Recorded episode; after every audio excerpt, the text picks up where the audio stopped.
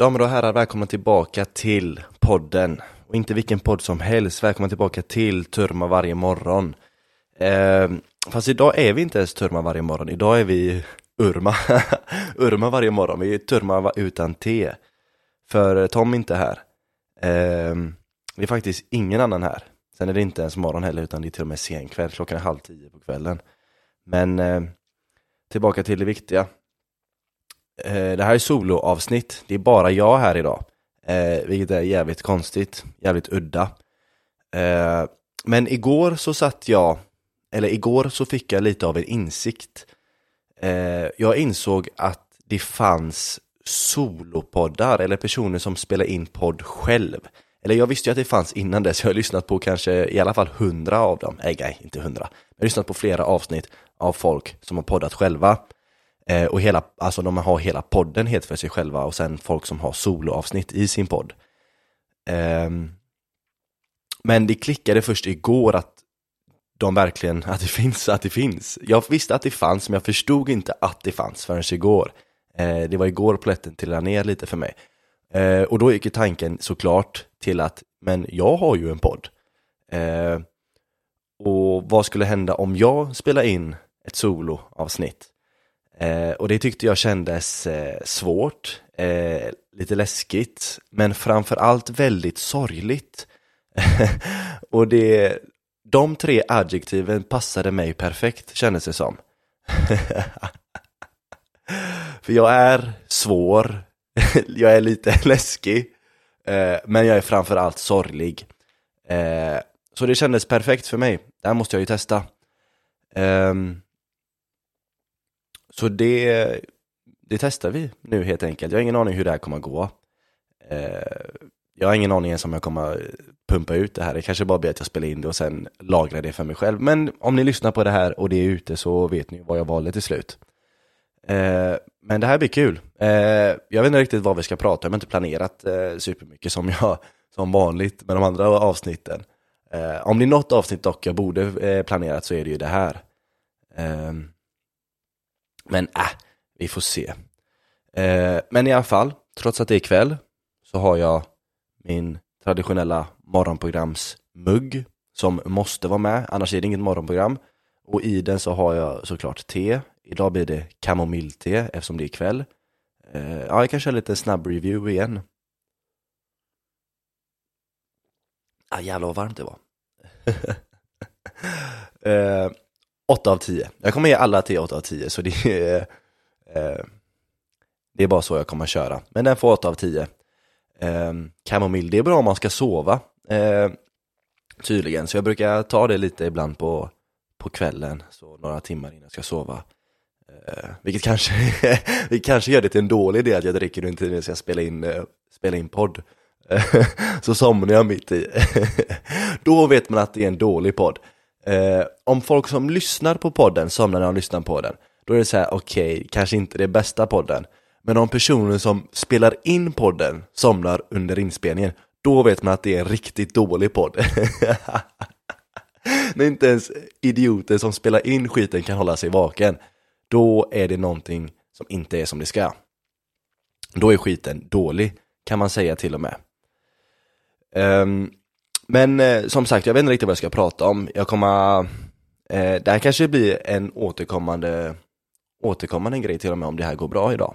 Eh, men det är ett experiment, eh, så vi får se lite vart vi tar vägen. Eh, undrar om jag är grön nu förresten. för, som, för det här avsnittet filmas också. Eh, det här är det första avsnittet som filmas, eller det är inte första avsnittet som filmas, första avsnittet, det allra första avsnittet, avsnitt ett filmades också.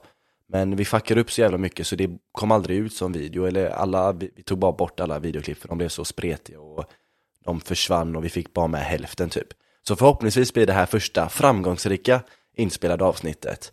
Eh, som vi har nämnt i de andra poddarna så är Tom lite, han har ju varit lite tveksam till att ens spela in video överhuvudtaget. Eh, vilket inte jag riktigt förstår varför. Ehm, men jag tror han tänker mycket på, han tänker för mycket på hur han kommer att se ut på kameran. Han kommer att tänka på kameran för mycket. Så han kanske blir lite distraherad då. Ehm, vilket jag tycker är lite paradoxalt med tanke på att Tom förmodligen är den snyggaste mannen eller killen som jag någonsin har träffat. Så om det är någon som inte borde tänka på hur, alltså på kameran överhuvudtaget så är det han. Om det är någon som borde tänka på det så är det jag som ser halvt hemlös ut. jag ser ut som en, eh, min image är en hemlös kille, men som har duschat ganska nyligen. det, är, eh, eh, det är stilen jag går för. Eh, jag är hemlös, men jag har ändå duschat inom liksom tre dagar. Eh, så jag är inte helt hemlös, jag är typ så här 50-50 hemlös. Men jag gillar lite hemlöshet, jag gillar den auran. Eh, det, det, det, finns en charm med hemlöshetsutseendet.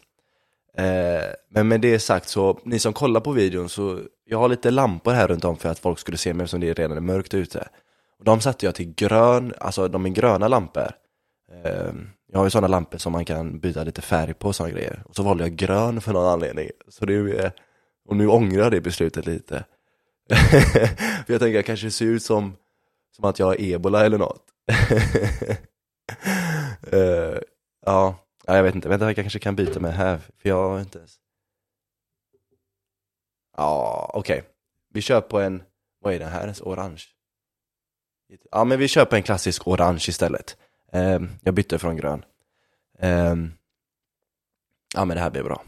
Uh, inte lika edgy som grönt, men lite mer mjukt. En mjuk solgångs, soluppgångs orange kör vi på. Orange som blodfläckar när man har tvättat dem några gånger. Som Eminem sa en gång i tiden. Eh, jag tror det var Eminem i alla fall. Vad sa han? Eh, A bloodstain is orange after you wash it three or four times but that's normal, ain't it Norman? Någonting sånt sa han. Eh, så bara så ni vet. För riktiga eh, massiva blodfläckar, typ om ni är helt dränkta i blod eller era kläder är helt dränkta i blod från topp till tå så brukar det enligt min erfarenhet i alla fall krävas en fem till sex eh, tvättar. Eh, som sagt efter tre till fyra så är den ju orange men efter 5-6 då brukar det se rätt, eh, se rätt bra ut. Så det är ett tips till alla mina styckmördare där ute som lyssnar. Eh, på tal om styckmord, snacka om en underskattad yrkesgrupp. Eh, jag blir jävligt ledsen när jag tänker på eh, att, att styckmördare inte riktigt får den uppmärksamheten de förtjänar, eller den respekten som de förtjänar. Um, jag tycker den, en väldigt tragisk grej med den nya generationen är att vi inte visar respekt för styckmorderi, eller styckmördare. Um, konsten att styckmörda. Det finns ingen respekt, det finns verkligen inte det. Uh, alla unga, den unga generationen kommer upp och vill bara bang, bang, klipp, klipp. Eh, klippa med bly. Eh, men det, vem som helst kan göra det, det är lite det som är mitt problem med det. Vem som helst kan bara bang, bang. Det är bara det bokstavligen trycka på en knapp. Men styckmord däremot, jävlar. Det där kräver dedikation, det kräver talang, det kräver passion för, din, eh, eh för ditt yrke. Ehm, och det är helt enkelt eh, en bortglömd konst. En konstform att styckmörda. Ehm, och jag tycker det är tragiskt. Jag tycker det verkligen är tragiskt. Så rösta in mig i riksdagen 2026 för mer styckmord åt folket och använd hashtaggen styckmord 2026 på alla sociala medier för att visa ditt stöd. Fan vad roligt om man eh, om jag faktiskt gjorde politisk karriär på den kampanjen. Styckmord åt folket. Det är min huvudsakliga kampanj. Att det ska bli mer styckmord, det är grymt. Eh, vi måste börja vi måste börja tidigt med det. Vi måste introducera styckmord. Vi måste börja tidigt bland barnen. Vi måste introducera styckmord till barn redan i ung ålder. Um, för det är där vi gör skillnad. Allting börjar i skolan. Det börjar i skolan och det är där vi måste börja. Uh, barn måste lära sig uh, de fina sidorna av styckmordet. De måste lära sig historien bakom det. Kanske läsa om eh, historiens alla eh, framträdande talanger, de som banade vägen. Eh, och eh, vi hade tänkt starta eh, kampanjen från fängelsesektionen till klassrumslektionen, heter den. Och det utgår helt enkelt ifrån att vi samlar några av de främsta styckmördarna från alla svenska, alltså alla anstalter över hela Sverige. Så samlar vi de mest utmärkande styckmördarna. Och så får de komma till skolor runt om i landet och föreläsa om sina skills och sin historia och vad som drog in dem till yrkesgruppen så att barn kan lära sig, så de kan sitta där och tänka hmm, om jag bara jobbar hårt och aldrig ger upp så kan det en dag vara jag där framme. Vi måste lära barn att alla kan styckmörda. Det spelar ingen roll var du kommer ifrån. Det finns kinesiska styckmördare, det finns ryska styckmördare. Jag tror till och med ryssarna uppfann styckmord. Det finns tyska styckmördare, mexikanska styckmördare, eritreanska styckmördare. Alla kan bli styckmördare. Barn, eller tjejer kan bli styckmördare, killar kan bli styckmördare. Det är ingen killgrej att styckmörda, det är en aktivitet för alla kön. Och det måste vi lära främst unga flickor, för de tror säkert att det är bara en killgrej att styckmörda. Men nej, nej, nej, nej, nej. Nej, nej, nej, nej, nej. Styckmord transcenderar kön. Det transcenderar etnicitet och sexuell läggning. Gay, gays kan styckmörda också. Absolut. Det finns inga hinder. Den enda, yrk eller den enda gruppen som nog inte kan styckmörda, det är nog fransmän. Jag tror fransmän, jag tror inte fransmän kan styckmörda så bra. Eh, och det är nog främst för att de är så jävla sopiga. Jag eh, har ett litet personligt agg mot fransmän och Frankrike överhuvudtaget, men de, eh, jag tror fan de är för sopiga för till och med styckmord. Eller inte till och med, det är en svår konst, så nej, fransmän fixar nog inte styckmord. Eh, de försöker stå där med en nygräddad baguette och uh, uh, uh. Tror att de ska, att det ska hända någonting där. Jävla idioter, det går ju inte. Ta baguetten, lägg den åt sidan, vänta en vecka och sen så drämmer du på tills den, vänta en vecka tills den har fått konsistensen av en sten och då kanske du kan drämma på och få lite resultat. Men eh, ja, så långt pallar inte de tänka. Plockar ju för fan baguetten från ugnen för två minuter. Sen är det klart som fan du inte får några resultat om du styckmördar med en baguette. Jävla idiot. Nej men eh, på tal om fransmän så jag har faktiskt fått lite upp ögonen för att det kanske finns lite sköna fransmän eh, där ute. Och det var när jag såg en video på eh, två unga franska killar som bara hitta ett tåg. ett sånt där liksom tunnelbanetåg eller liksom så här spårvagn, eh, spårvagnståg liknande. Eh, och så var dörren öppen och så gick de på och så gick de in i liksom den här kupén för att det var upplåst. Och så bara åker de iväg med tåget. de bara åker. De trycker på start och sen så är de igång. Stänger dörrarna, trycker på start och så rullar de därifrån. Och så filmar de allting och lägger upp det på Snap typ.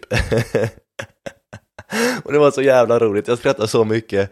Uh, och sen så stannar de här idioterna såklart på så här hållplatser och öppnar dörrarna och släpper på andra och sen bara åker vidare igen. Så de här idioterna bara snodde ett helt tåg. och jag tyckte det var så jävla roligt, jag garvade som fan. Uh, och det öppnar faktiskt mina ögon till att det kanske finns i alla fall två sköna fransmän. Uh, och det var nog de här två killarna. Innan så trodde jag inte det fanns någon, men nu vet jag att det finns två i alla fall. Eh, ja, tre om jag räknar med Napoleon. Fan, jag gillar Napoleon, han var god. Eh, älskar styckmord för övrigt, så eh, det är kanske är därför jag älskar honom. eh, på tal om fransmän, våran kung är ju för fan fransk. Eh, vilket är en av anledningarna till att jag inte gillar honom, som att det finns brist på anledningar att inte gilla kungen. Men jag fattar fan inte folk som är för monarkin. Eh, jävla grottmänniskor alltså. Den skiten är ju uråldrig. Det är så jävla meningslöst för den grabben gör ju ingenting. Hela den familjen, de gör ju inte ett skit. De bara tar emot massa jävla pengar. Och så sitter folk här och bara Fan, sjukvården går på knäna, de har inga pengar. Och sen så ger vi bara miljoner till kungafamiljen. Tips! Ta pengarna från kungen, ta bort hans lön, ta allting han äger, sälj det, ge de pengarna till sjukvården. Och oj, problemet löst! Vem fan kunde tänka sig det? Att när man ger folk lite peng, de pengarna de behöver så gör de faktiskt det de ska. Jävlar vad sjukt! Fan vad tur, eller fan vad synd att vi inte kom på det tidigare. Jävla imbaciller alltså. Förresten, passa på också när du ändå är igång. Styckmörda kungen. Så här, ta de mest talangfulla unga barnen som är eh, de mest, eh, som visar mest lovande karriär inom styckmoderi och så får de träna lite på kungen. Perfekt vitt, eh, offer för det. Han är gammal, kan inte springa därifrån. Han borde ändå, jag vet inte fan om han borde dö men eh, han behövs ju inte. Han kommer ändå dö snart, jag menar den grabben, var gammal är han? Typ 70, 75 någonstans där i alla fall, gissar jag. Um, och det är ändå liksom så här, det blir bra rubriker då man ger en chans till unga barn att verkligen eh, göra ett namn för sig själva inom industrin av styckmord. Eh, sen när du är klar med kungen kan du jobba dig vidare på drottningen, bara styckmörda lite där. Jobba dig vidare till, eh, till eh, vad fan heter han, prins Daniel. Den jäveln kommer ju ingen sakna, prins fucking Daniel. jag har noll koll på sjungarfamiljen, men om det är någonting jag vet så är det att den här jäveln, prins Daniel, han är den mänskliga versionen av ett fucking A4-papper. Alltså jag har aldrig sett någon som ser, så generisk ut. Alltså han ser så tråkig ut, det finns ingenting som sticker ut med honom. Alltså helt seriöst. Och hur den jäveln landade en kronprinsessa eh, som dessutom ser rätt bra ut. Eh, det kommer jag, eh, jag kommer aldrig förstå det. Jag kommer aldrig verkligen förstå det. Eh, världens tråkigaste kille får en prinsessa. Jag tror det är eh, jag tror det är någonting som inte stämmer. Jag tror att han, jag personligen tror att han är en robot. Eller en alien. För alltså han ser ju ut som det. Han ser ju ut som att någon säger Okej, okay, ta bara en genomsnittlig människa som en, om, om en alien skulle komma och bara, okej okay, men vi försöker se så, ut som, så mycket ut som en människa som möjligt och så tar de någonting som ser så, så normalt ut att det blir onormalt. Det ser lite obehagligt ut bara att se det för att det är liksom så här, det är så normalt, det finns inget som sticker ut. Eh, och det är den här jäveln prins Daniel. Um, ja, prins Daniel. Um,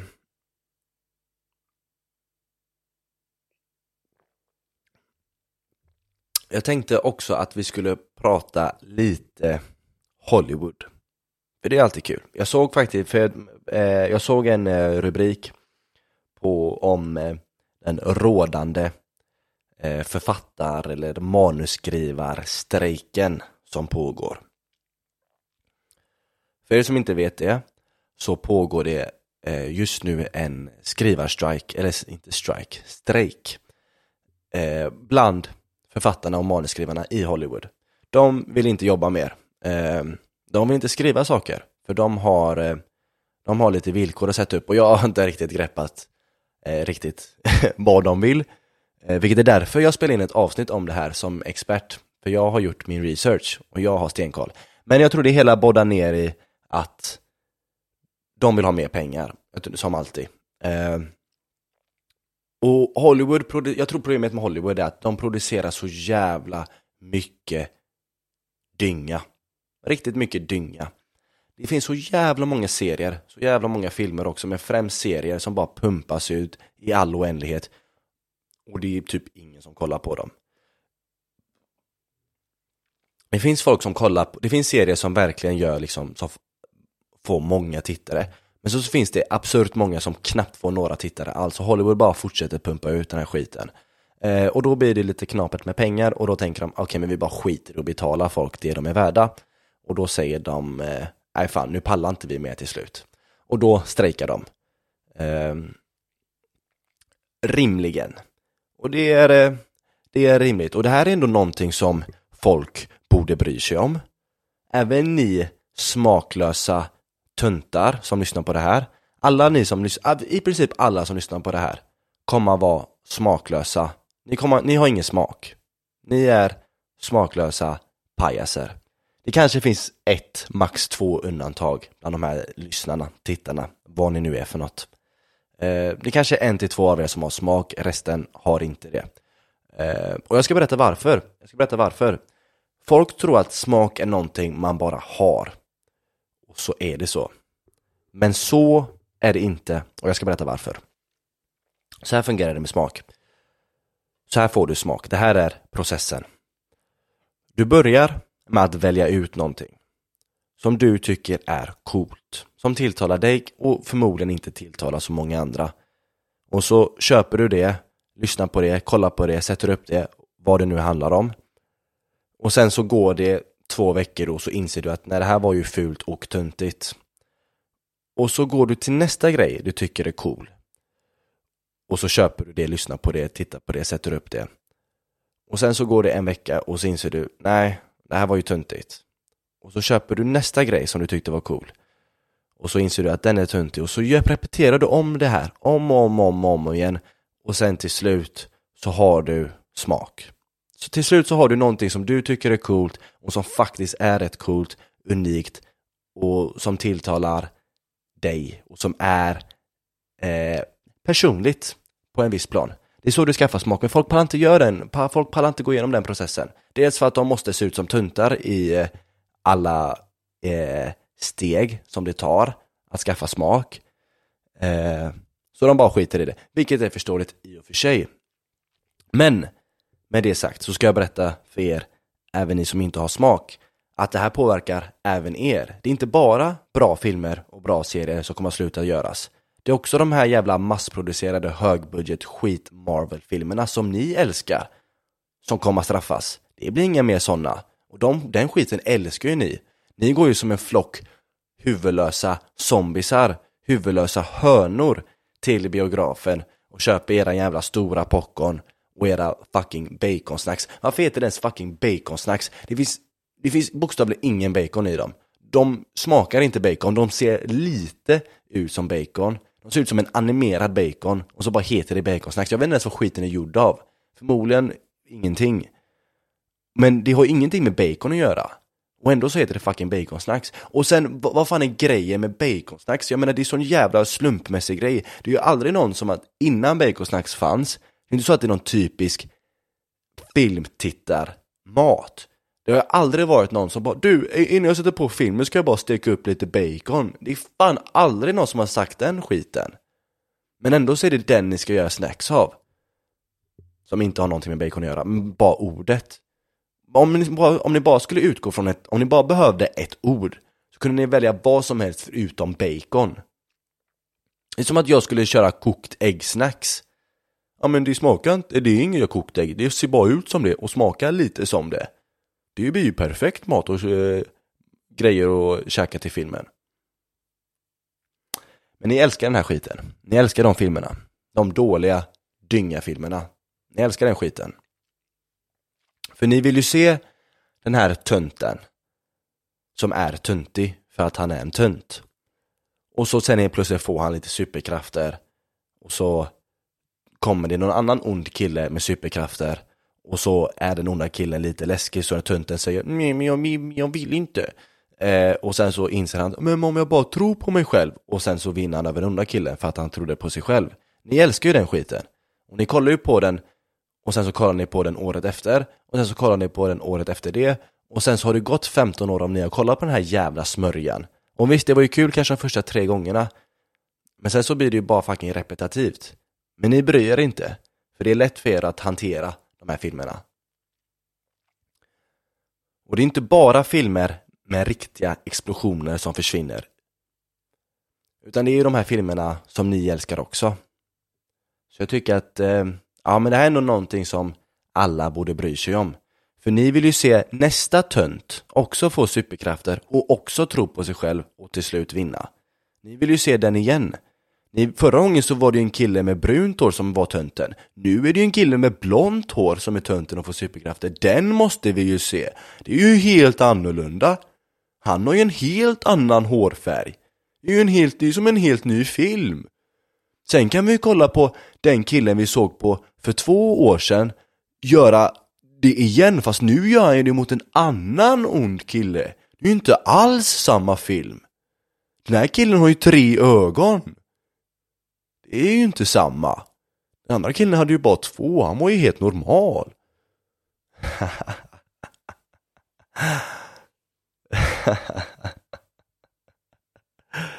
ja, jag vet inte fan.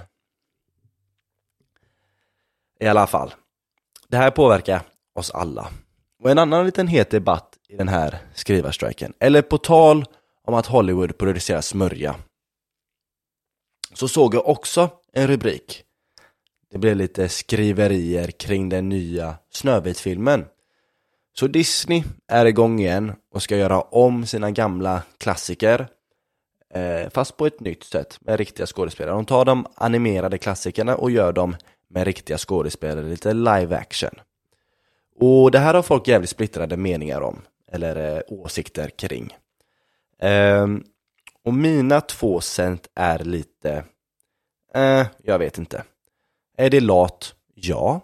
Är det smart? Också ja. För de får mycket pengar, de behöver inte göra något av jobbet, de bara tar en berättelse som redan finns, tar några dåliga skådespelare, säger säg det här och sen så bara eh, hyvlar de in cashen. Eh, och sen så är faktiskt Sen så blir det faktiskt lite bra ibland också. Jag har inte sett så många av dem. Men den jag har sett är Aladdin och den gillade jag. Jag gillade faktiskt Aladdin. Aladdin, det originalet, är en av mina favorit Disney-filmer, eller mina favorit animerade filmer överhuvudtaget från barndomen. Det skulle nog vara den och Lejonkungen. Och Aladdin pratar jag ofta om för att jag gillar den som fan. Och jag älskar verkligen hon eh, Jasmine eller Jasmin eller vad hon nu heter. Hon är... Jag kan inte ens beskriva hur bra hon är. Hon är så jävla snygg. Hon är så jävla snäll. Hon är smart. Hon är kompis med en tiger. Alltså kom igen, vad mer kan man fucking begära? Det är min typ av tjej. När Freud frågar mig vad är det för typ så säger jag okej okay, men hon ska vara snygg, hon ska vara snäll, hon ska vara smart och hon ska vara kompis med en tiger. Då är jag såld. Det är allt jag begär. Hur svårt kan det vara att leverera? Det kan inte vara så jävla svårt att hitta. Inte så höga krav. Jag älskar den skiten. Men i alla fall, jag såg live action-versionen med Will Smith. Och jag tyckte den var bra. Eh, jag gillade det Will Smith gjorde med, eh, med den här eh, blåa killen, vad han nu heter. Um, han gjorde det till sin egna, jag menar Robbie Williams version från originalet är oslagbar, oslagbar. Eh, den går in i Hall of Fame utan tvekan, den är så bra. Eh, och man visste att Will Smith aldrig skulle kunna replikera det, och han försökte inte göra det, han gjorde det till sin egen grej och det blev faktiskt bra. Och jag gillade den filmen, den var rolig, den var skön, eh, den var underhållande, eh, den såg väldigt bra ut, det var några iffiga stunder, men generellt solid. Bra. Jag gillade den. Sen såg jag också Lejonkungens-varianten eh, med den liksom eh, nya animeringen och det var coolt att se liksom så här hur långt animeringen hade gått. Skiten såg ut som riktiga lejon. Eh, hyfsat i alla fall. Eh, och det tyckte jag var lite coolt. Sen var den inte, eh, som film var kanske inte den en höjdare. Eh, men alltså, man fick ändå ut någonting av det, så jag är inte så arg på det. Eh, men det finns de, och ganska många de, som hatar den här skiten. Eh, när de liksom gör om Disney-filmer. Och jag kan förstå det. Eh, men ibland så blir de jävligt eh, De blir lack och irriterade över skit som egentligen inte spelar så jävla stor roll. Typ senast så var det eh, den här, eh, vad fan var det, Lilla Sjöjungfrun. Lilla Sjöjungfrun spelades av en svart tjej helt plötsligt. Och det hatade folk, för så var det inte originalet. och alltså helt seriöst, vem fan bryr sig om det? Hon var snygg, och det är egentligen det som spelar roll. Så länge hon är snygg så spelar det ingen roll. Eh, och folk som bryr sig om det, de har för, de har för lite att bry sig om. Alltså helt seriöst, vem fan, vem fan vad, alltså vem bryr sig? Eh, men, den nya Snövit-filmen, nu blir det lite intressant här. För filmen heter, eh, eller i alla fall känns som Snövit och de sju dvärgarna.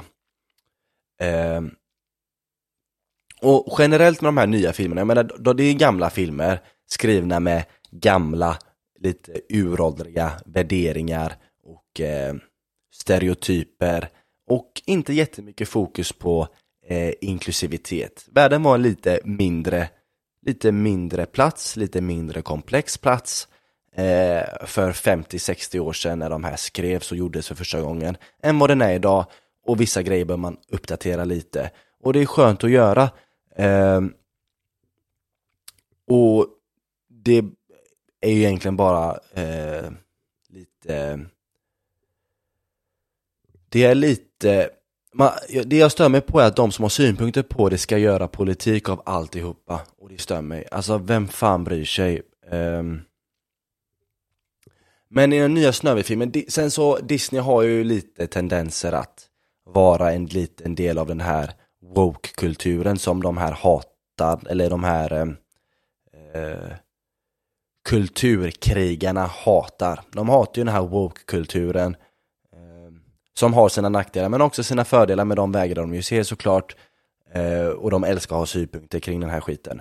Men i alla fall, tillbaka till Snövit. Snövit, Sju dvärgarna, Eh, det var så den hette, eller man får inte säga dvärgar längre, men Snövit och de sju korta personerna. Eh, och min första tanke var ju, fan, perfekt. Att vara skådespelare och en väldigt, väldigt kort person kan ju inte vara helt jävla lätt. Det finns ju en roll för dem att slåss om och det är den där killen i, eh, i eh, Game of Thrones. Det finns en roll för kortisarna att slåss om och det är Game of Thrones-rollen. Men nu helt plötsligt öppnade du upp dörren till sju helt splitternya roller att, att, eh, att ta i en hög budget Disney-film. Drömvärld för de här hårt arbetande kortisarna som är skådespelare. För det kan inte vara lätt. Det kan inte vara lätt. Rollerna är begränsade, som alla roller, men jag menar där snackar vi om riktigt begränsade roller. Eh, som sagt, en bara. Eh, men eh, sen så hoppar Disney in och skulle eh, var lite sympatiska. jag ska, och så de kör Snövit och de sju magiska varelserna i alla storlekar eh, istället. Vänta, jag måste ta fram den här jävla bilden. Eh.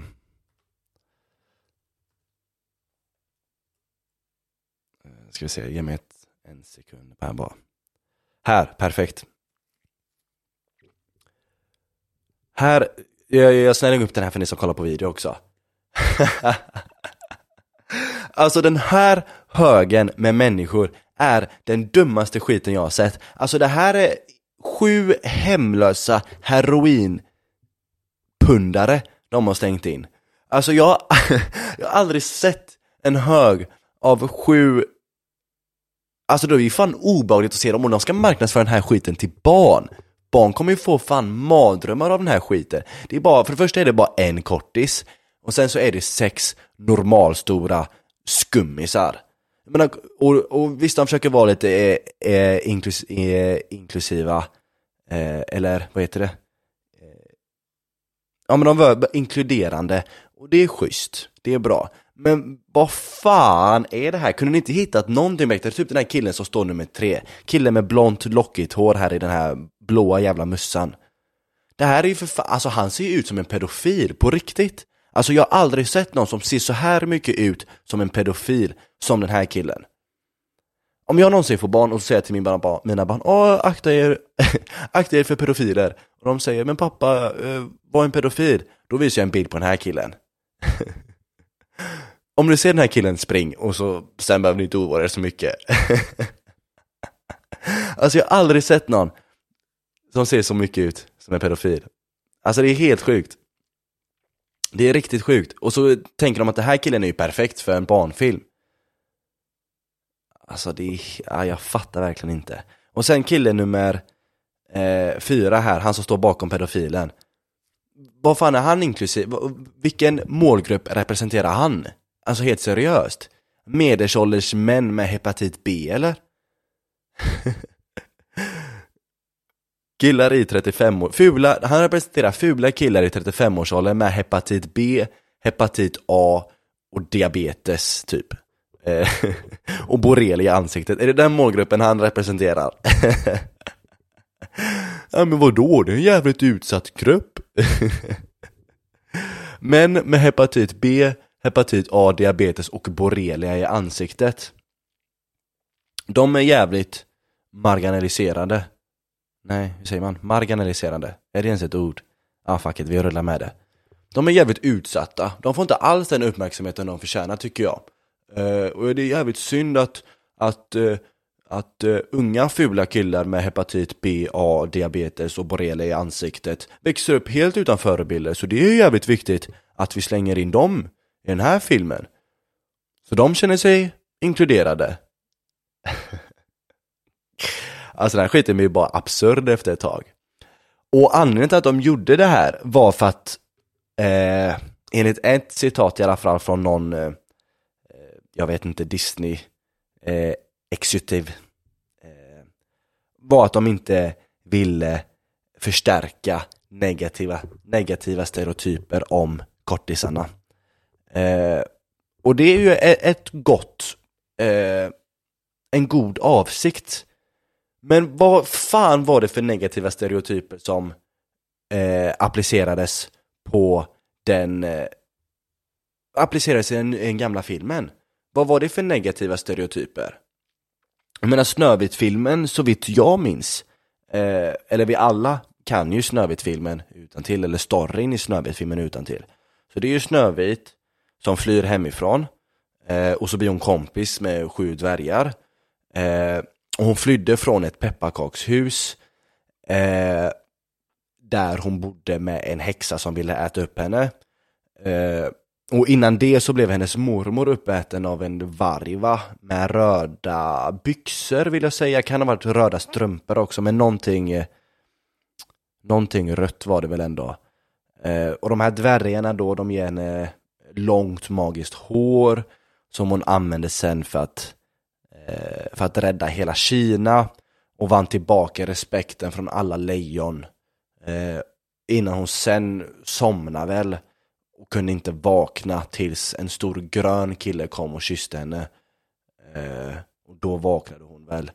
Eh, och sen var det någonting med någon jävla krabba också tror jag för mig. Eh, men någonstans där tror jag storyn var. Eh, jag minns inte exakt, jag kanske blandade ihop lite. Men eh, ungefär så tror jag storyn gick. Eh, nej men på riktigt. Alltså vad var stereotypen de ville undvika att förstärka? Vadå att dvärgar är snälla och hårt arbetande? För det var så jag minns dem i alla fall. De var snälla, tog hand om den här stackars tjejen och sjöng och var snälla och jobbade hårt. Är det det de ville undvika att förstärka? Men vad fan, om folk tittar på den här filmen så kanske de tror att alla korta personer är snälla och det är ju jättetaskigt mot dem. och sen så, de här dvärgjävlarna, eh, eh, de hade ju, alla hade ju varsin grej som de dessutom hade sitt namn efter. En grej som liksom var utmärkande för dem, ett liksom personlighetsdrag, du hade den glada jäveln, eh, du hade den arga killen, den ledsna, eh, den homosexuella, du hade alla. Eh, så det var ju inte så att alla var samma ändå, bokstavligen alla var olika och hette det de var olika på. Så det är inte så att man generaliserade på något sätt ens i originalet, men ändå ska man ändra det här för att, jag vet inte fan varför. Eh, men de älskar att neka sju korta människor jobb. De älskar att plocka mat ur korta människors munnar, för äntligen så får de chansen att jobba. Äntligen! Efter alla år av hårt jobb i Hollywood med lite resultat, för det är fan inget lätt, ingen lätt grej att vara aspirerande Hollywood skådis, Speciellt inte när du har en roll att konkurrera över. Och äntligen så får de, det är som att vinna på Lotto och sen Disney bara nej men ni, det är ju synd om er så det är ju bäst att ni inte vinner på Lotto. Alltså det blir så jävla motsatsen till intentionen. Intentionen kändes ändå som att den var liksom så rätt bra. man försökte vara lite schyssta, men så blir de jävla as mot folk med, eh, med korthetssyndrom istället. Men, eh, ja. Så de tyckte att det var en bra idé att slänga in sju, eh, eller istället för sju dvärgar så kör de en dvärg och sex pedofiler istället.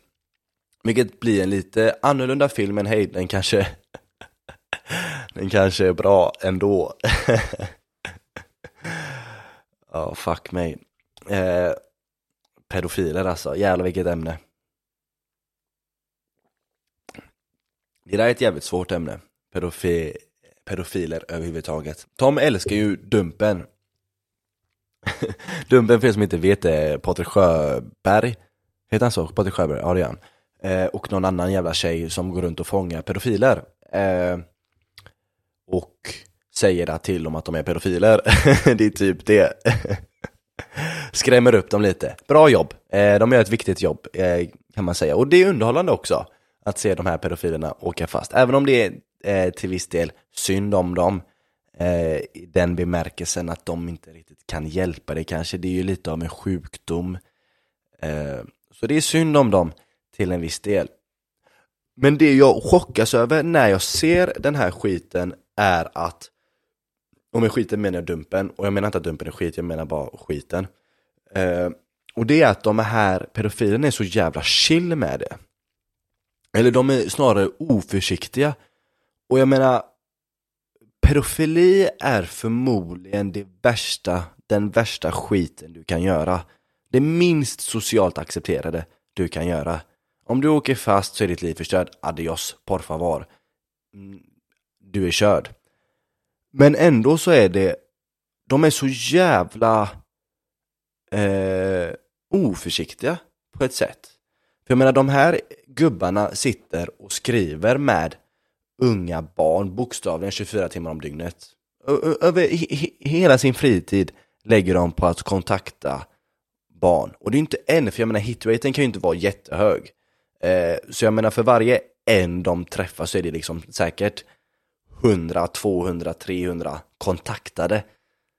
Minst skulle jag vilja säga. Jag har ingen aning. Men jag skulle gissa att det ligger på något sånt. Minst, eller det måste nästan vara högre. Eh, så jag menar, de måste ju massutskicka sina, och de, de är jävligt effektiva med det också. Det är liksom så här, hej, hej, vad heter du? Jag heter Agnes. Okej, här är en bild på min kuk. alltså, det är liksom, det är så effektiva de jävlarna är. De är liksom inte särskilt blyga med det. Vilket känns som det, man, blyghet känns som det absolut viktigaste när du sysslar med det minst socialt accepterade skiten du kan göra. Eh, men fan de, eh, ja jag vet inte fan, ja, det, det chockas jag lite över för eh, Ja jag chockas lite över det, att de är så jävla eh, Ja men oförsiktiga. Eh, Och sen att de, ja jag vet inte fan, för jag menar alla har ju sett Liksom To Catch a Predator-stilen. Eh, Även pedofilerna antar jag. Så de vet att den här skiten pågår. Eh, Ja jag vet, de kanske är desperata, vad vet jag men på tal om eh, pedofiler, en grej jag har tänkt på som jag tycker inte respekteras tillräckligt. Eh, man kan helt enkelt säga att det är en liten terror, eh, terror.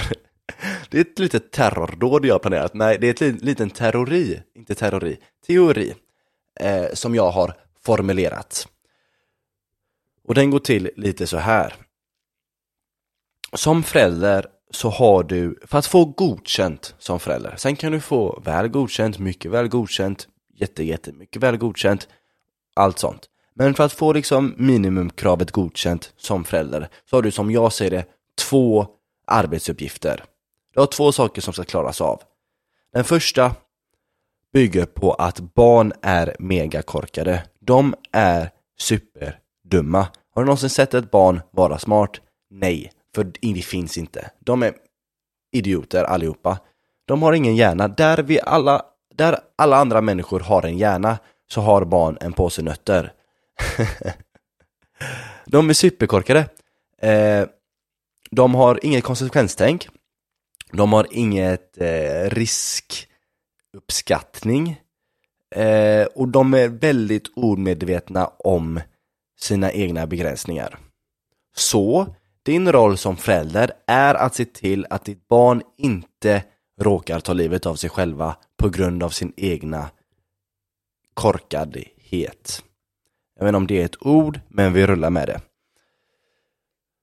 Se till så att ditt barn inte råkar ta självmord. Eh, det är typ det. Eh, de kommer försöka mer än en gång, bara se till så att de inte lyckas. Det är typ det som ingår i arbetsuppgift, arbetsuppgift nummer ett. Arbetsuppgift nummer två för att klara ditt jobb eller få godkänt som förälder är att inte låta andra människor stoppa in saker i dem. Speciellt eh, könsorgan. Undvik det. Det är rekommenderat i alla fall. Nej men helt seriöst. Eh, se till så att ingen eh, sexuellt utnyttjar din unge och se till så att din unge inte tar självmord, råkar ta självmord. Då har du i princip gjort det som krävs för att få godkänt som förälder. Det är de två grejerna du behöver göra. Men! Men! Om du är smart, nu kommer vi till teorin. Om du är smart och skaffar dig en unge som är brutalt jävla ful då försvinner lite arbetsgift nummer två. För jag antar i alla fall att även pedofiler har lite standard. Även de har lite krav. Och om du har en unge som är grotesk så kommer även pedofilerna ducka dem. Och det är ju perfekt. och jag fattar inte hur folk kan prata mer om det här, för helt seriöst, 50% av dina arbetsuppgifter bara försvinner.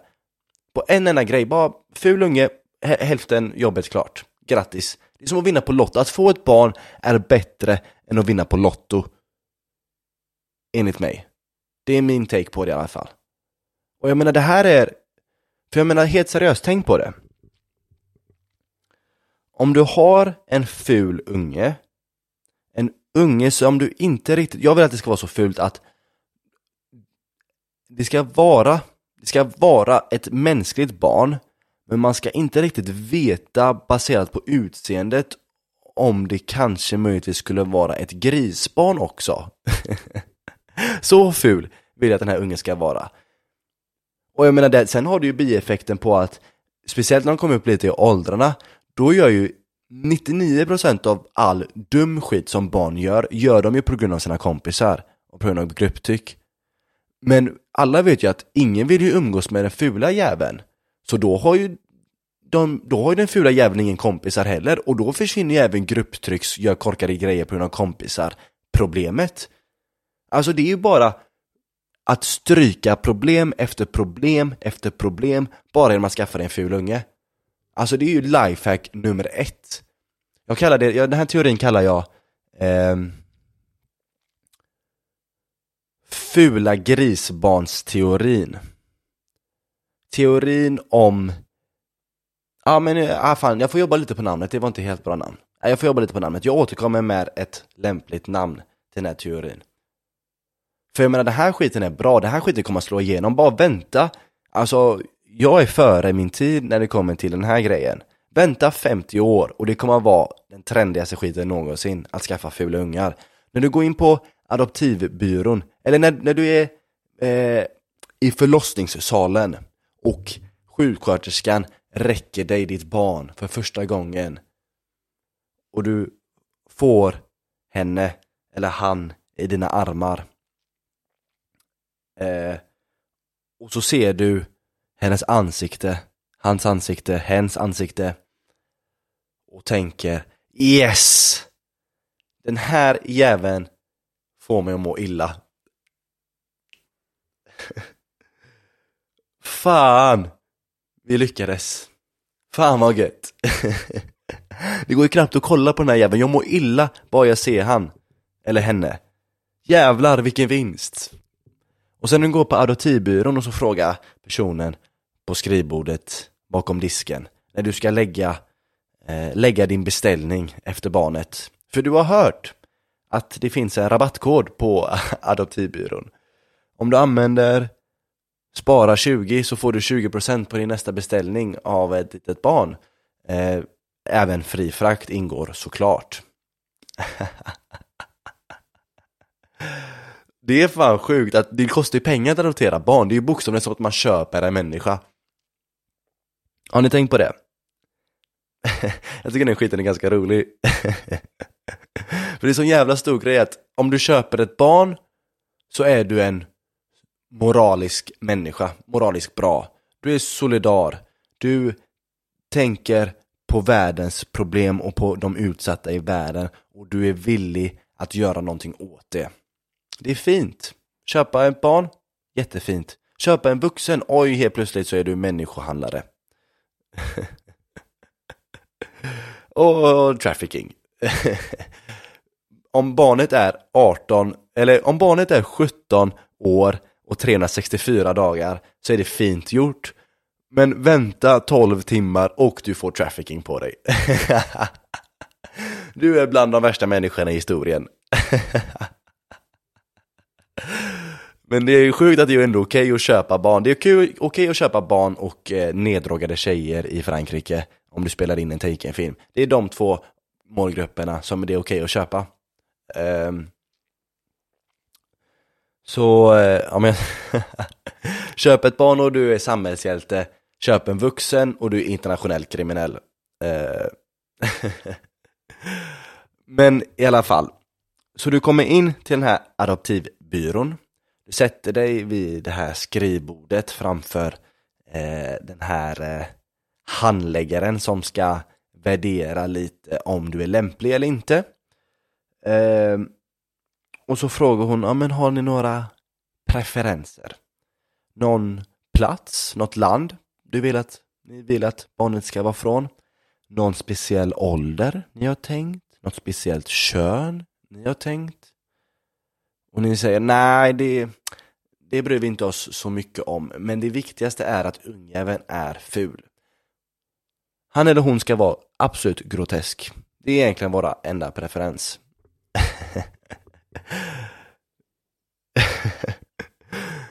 det är roligare samtalsämne på adoptivbyrån också. Det finns bara fördelar med den här teorin. Jag lovar er, bara fördelar. Fan, det här får mig att tänka på en, eh, en historia. Jag tror det var typ i eh, någonstans i USA, kanske North Carolina eller någonstans i de trakterna. Så var det ett par som beställde en liten unge från Ryssland. det var fri frakt på den. Eh, de behövde inte betala tull heller, de hade lite speciella papper, så det gick bra. Men i alla fall, de beställde en unge från Ryssland. Eh, en 13-årig tjej eh, skulle det vara i alla fall. Eh, jättesöt. Och sen så kommer hon så kommer hon fram, hon, jag tror de använder DHL eller något sånt. eh, och hon kommer fram. Eh, och sen så, jag vet inte hur långt det dröjde, men det visade sig sen att det här var ingen 13-årig tjej. Det här var en 30-årig tjej, trea nolla, inte etta trea utan trea nolla tjej, kvinna som hade lite av en defekt, lite av en sjukdom som gjorde att hon såg jävligt ung ut. Och hon var knivmördare och hon, hon ville adopteras av, den här, av det här paret så att hon kunde kniva dem till döds i deras sömn. Det var det som var hennes plan. Hon lyckades inte, som tur var, eller otur beroende på vilken eh, hur intresserad av styckmord du är. Ah, ah, det är det vi kallar en callback i businessen. Tillbaka till styckmord. Eh, nej, men eh, hon lyckades inte. Men den här historien är så jävla rolig tycker jag. Det är något så jävla kul med att man förväntar sig en 13-årig liten söt oskyldig flicka och så får man en 30-årig knivmördare istället. en jävla psykopat som vill hugga dig till döds i sömnen. Åh, fy fan vad sjukt. Uh, oh.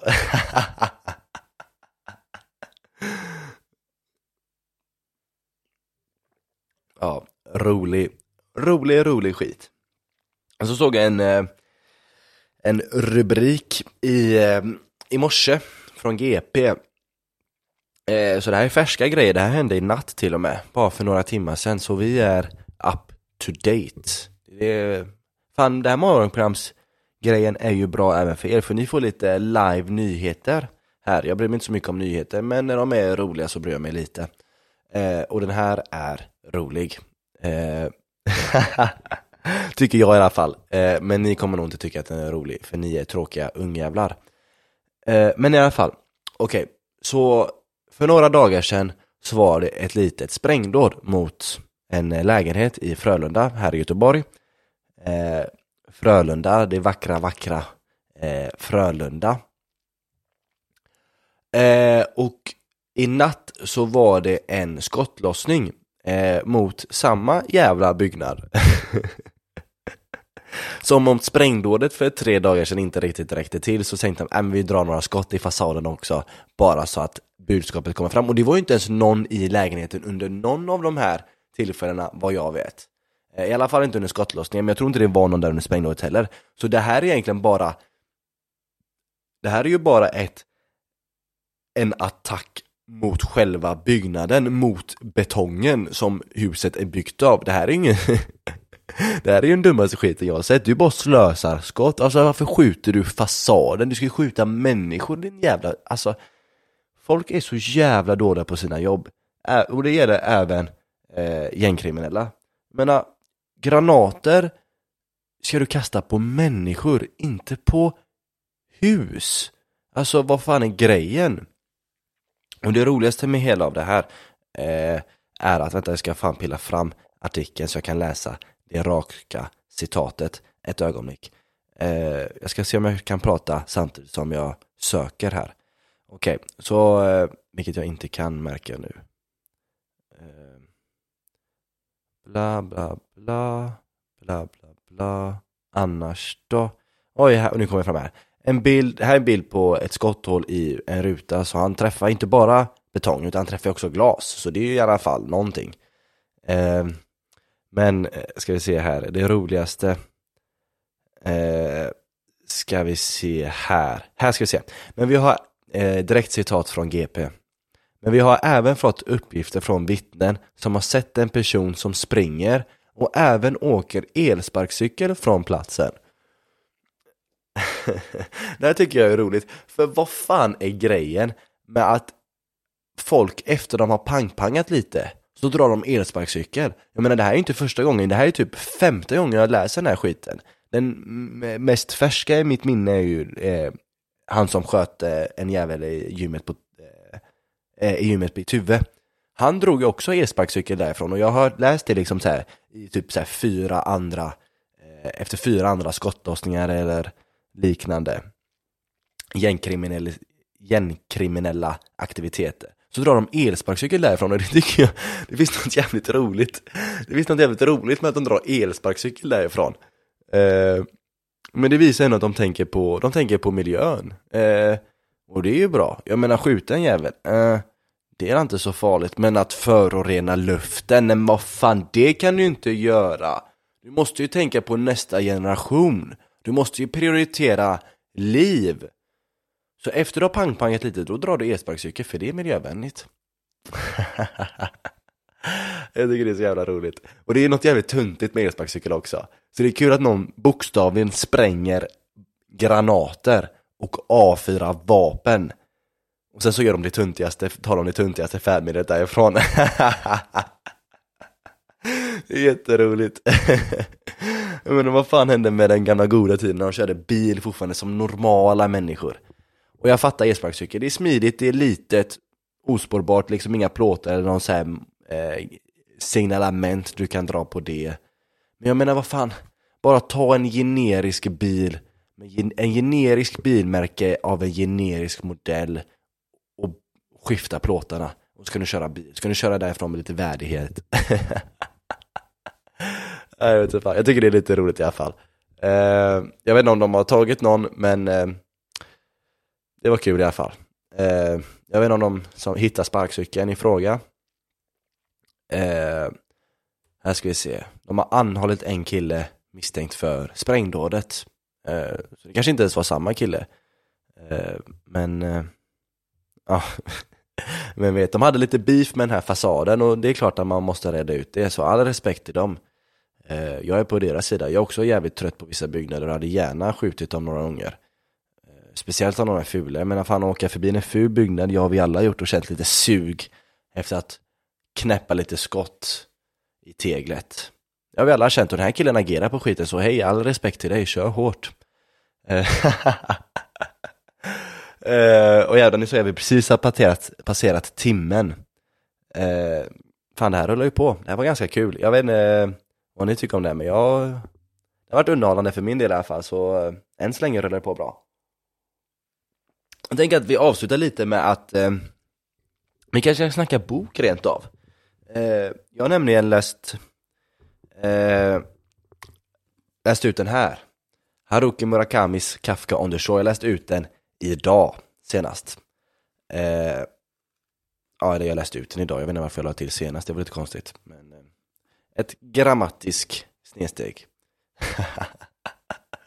Men i alla fall, Haruki Murakamis Kafka on the Shore. Det här var faktiskt bra skit, det här var bra skit, jag gillar den här boken.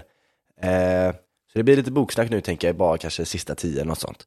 Eh, så er som inte bryr er om det här kan dra. Men jag kanske jag ska försöka göra det så underhållande jag kan så att även ni som inte bryr om skiten får ut någonting av det. Eh, men i alla fall, bra bok. Det här är tredje Murakami-boken jag läser. Jag har haft lite Murakami på mig i sommar, eller inte tredje, fjärde faktiskt. En av dem var eh, uppsplittrad i två, var en bok i två böcker. Eh, så fyra böcker totalt. Eh, och jag har gillat alla. Eh, han har en ganska god stil. Han eh, han beskriver saker på ett, eh, på ett jävligt schysst sätt som är rätt insiktsfullt eh, och öppnar, eh, man öppnar ögonen lite för lite mer eh, triviala grejer genom att beskriva rätt vardagliga saker på ett rätt speciellt sätt så att det låter rätt coolt. Eh, och det är rätt schysst tycker jag. Eh, så det gillade jag. Eh, men den här boken i alla fall, den handlar om en 15-årig japanes Författaren är japansk, originalspråket är japanskt, alla hans berättelser utspelar sig i eh, Japan. Eh, men i alla fall, det är en ung 15-årig, Kafka heter han, eller säger att han heter i alla fall. Eh, jag tolkar lite som att det inte var hans riktiga namn. Eh, men i alla fall, den här 15-åringen flyr hemifrån. För han är en alldeles unik 15-årig, för han är trött på sin farsa. Eh, och jag tror mig vara, eller jag tror att han är den enda 15-åringen som någonsin har varit trött på sin farsa så såklart eh, han ska fly hemifrån. Så han tar tåget eller bussen eller vilket nu transportmedel han valde och drar till en ny stad en bra bit därifrån eller från, han var, från där han bodde innan och till slut så hamnar han på ett litet eh, privatägt eh, bibliotek och där härjar han runt lite. Han, eh, eh, parallellt med den här 15-åringens historia så går det en annan historia om en gammal gubbe som hette eh, Nakata. Eh, så de får lite så här varannat kapitel var. Eh, och Nakata är en gammal gubbe som efter en liten olycka när han var barn det, eh, blev jävligt korkad. Han var smart, blev korkad, upsi daisy. Eh, och nu är han gammal och fortfarande superkorkad. Han kan inte läsa, han kan inte skriva, han kan knappt tänka. Eh, men han kan typ prata med katter ibland. och där kom bomben. Killen snackar med katter, men han gör det typ bara första kapitlet sen glömmer han av hur man gör, för han är korkad som sagt. men i alla fall, de här eh, berättelserna går parallellt med varandra och sen på slutet så knyts de lite ihop och vävs samman eh, på ett ett ganska fint sätt. Eh, och eh, ja men eh, jag gillar den här boken. Det, jag läste för, eh, om det var några, om några dagar sedan, ett litet eh, citat antar jag från författaren där han lite förklarat för hans sätt att skriva eller att skriva för honom var eh, ett sätt att avsiktligen drömma även när han var vaken och att få chansen att fullfölja den här drömmen eh, eller att fullfölja drömmen han hade igår även idag, alltså att han kan bygga vidare på drömmen han hade som, någon, som är någonting man inte kan göra med traditionella drömmar. Eh, och helt enkelt bara en metod att sjunka ganska djupt i hans omedvetnande. Och det omedvetna är ett ganska, ja men det spelar helt enkelt, det spelar en ganska stor roll i samtliga av de böckerna jag har läst. Det är, det är ganska mycket, lite vaga grejer, mycket symbolik, mycket metaforer, mycket gåtor och mysterier som inte riktigt alls klaras upp. Men de är rätt goa ändå. Eh, de fastnar lite med en och det lämnas lite upp till dig att avkoda dem. Och de är speciella, det är inte bara liksom så här vag skit som ingen bryr sig om, utan de fastnar med för de är faktiskt bra, så du behöver inte riktigt ens ha svaret känner du. Du vet att någonting har hänt, men du vet inte riktigt vad som har hänt. Eh, och de lämnas lite öppna. Eh, och jag tycker det är, ja, men det är ganska gött. Eh, det är insiktsfullt eh, och eh, givande helt enkelt, perspektivgivande på ett ganska härligt sätt. Eh, men det mest utmärkande med den här killen är att han är jävligt skum. Haruki Murakami är en skum jävel. Han skriver mycket skumma saker, jag menar det som sticker ut nästan mest med den här boken var när någon så här karaktär slickar upp någon annans blod på något jävla skevt sätt. Vilket säkert är någon eh, har säkert någon symbolisk budskap som inte riktigt jag kopplade in men jag tyckte bara mest det var skumt. Men sen så är han ett fucking pervo också. Men den här boken, Kafka on the Shore, den som jag precis läste, eh, den har eh, eh, bara rakt upp och ner incest i sig. Han är jävligt eh, pervers eh, stundtals. Men det är så här, alltså grejen är att han är så skum och pervers och det är så konstig skit att du liksom bara inte kan, du måste veta nästan hur, vad som händer för att det är liksom så här Ja men det är lite som en bilkrock, du kan liksom inte titta bort, även om du inte nödvändigtvis vill se det du ser så kan du inte titta bort, även om du inte nödvändigtvis vill läsa det du läser, det är lite för skevt så kan du typ inte sluta. Eh, så mm, speciell, minst sagt. Eh, och det var, alltså, och det, hint, det är inte bara ett, eh, en upplaga av incest, utan det hintas till och med om att det var två eh, fall av incest i den här boken. Eh, den första jag läste av eh, Murakami var Norwegian Wood, eh, som är en Beatles-låt eh, också. Eh, och den här var liksom bara, eh, ja men det är bara liksom sexscener genom hela jävla, hela jävla boken. Och det är skumma sexscener också. Eh, så han är ett jävla pervo. Den andra boken jag läste, eller den eh, andra och tredje boken eftersom det är två böcker i en, eh, två böcker, en historia, var inte alls på den nivån. Den var mycket mer mild. Eh, och jag skulle nog faktiskt säga att det är än så länge min favorit också. Eh, jag tycker alla var eh, läsvärda. Men fan, en grej som jag märker nu är att alla, samtliga av hans böcker som jag har läst har varit, där titeln har varit eh, I den första Norwegian Wood så är det såklart en Beatles-låt och eh, låten i sig spelar en ganska betydande roll i historien. Den andra boken heter Killing Commodore eller Mordet på kommendören heter den till och med, den läste jag på svenska. Eh, och eh, Mordet på kommendören, kommendören är titeln på en tavla som spelar ett, eh, en stor roll i boken. Och den här boken, Kafka on the Shore, eh, Kafka on the Shore är titeln på en, eh, en låt som också spelar en stor roll i den här berättelsen. Så han, titeln kör han alltid på låtar eller konstverk. Titeln på boken är samma som en titel på ett konstverk eller en låt i boken som spelar betydande roll, märker jag nu, verkar som. I alla fall på de här tre, det kanske är så på alla, det har varit ganska coolt i och för sig. Ehm, men eh, eh, men i alla fall, bra skit. Eh, jag gillar den. Eh, förmodligen är det ingen som bryr sig om det här, men fuck it, jag gillar den.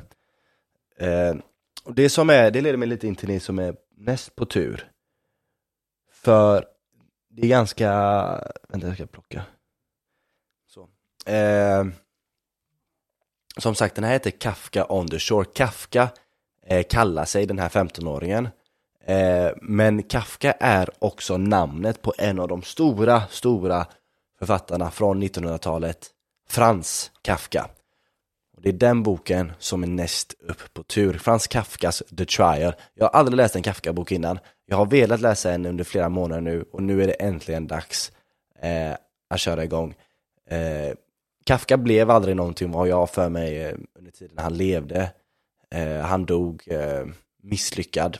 Eh, eller i alla fall eh, material... Eh, vad säger man? Materialistiskt. Materiellt misslyckad. Eh, men eh, blev egentligen bara stor efter hans död, vilket vi pratar om lite i förra avsnittet ofta i fallet. För eh, artister, konstnärer, författare, dylikt. Men i alla fall, det här är min första Kafka-bok, jag är spänd. Eh, Kafka ska vara en jävligt, jävligt mörk eh, kille. Eh, väldigt mörka teman. Eh, den här som, är, eh, som jag ska köra nu handlar om en eh, bankkille eller något sånt, bankman som blir anklagad för ett brott han inte begått. Så vi får se lite vad som händer med det, det kanske kommer tillbaka, kanske göra en liten re, re, eh, recap när jag läst färdigt, en liten snabb review på det. Eh, men med det sagt så tror jag att det är dags för mig att avsluta det här poddavsnittet. Fan, det här var ändå rätt kul, jag tyckte det här var kul, det var underhållande. Eh, eh det var kul, det här kommer jag nog göra, eh, göra om igen. Jag vet inte när. Eh, jag får lyssna igenom det här kanske och bestämma om jag ska, ska lägga upp det överhuvudtaget. Eh, men fuck it, det var kul.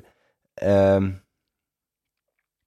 ja, det kanske blir igen. Vi får se när. Det kanske dröjer en vecka. Det kanske dröjer tre år. Jag vet inte fan, jag gör det lite när jag får feeling.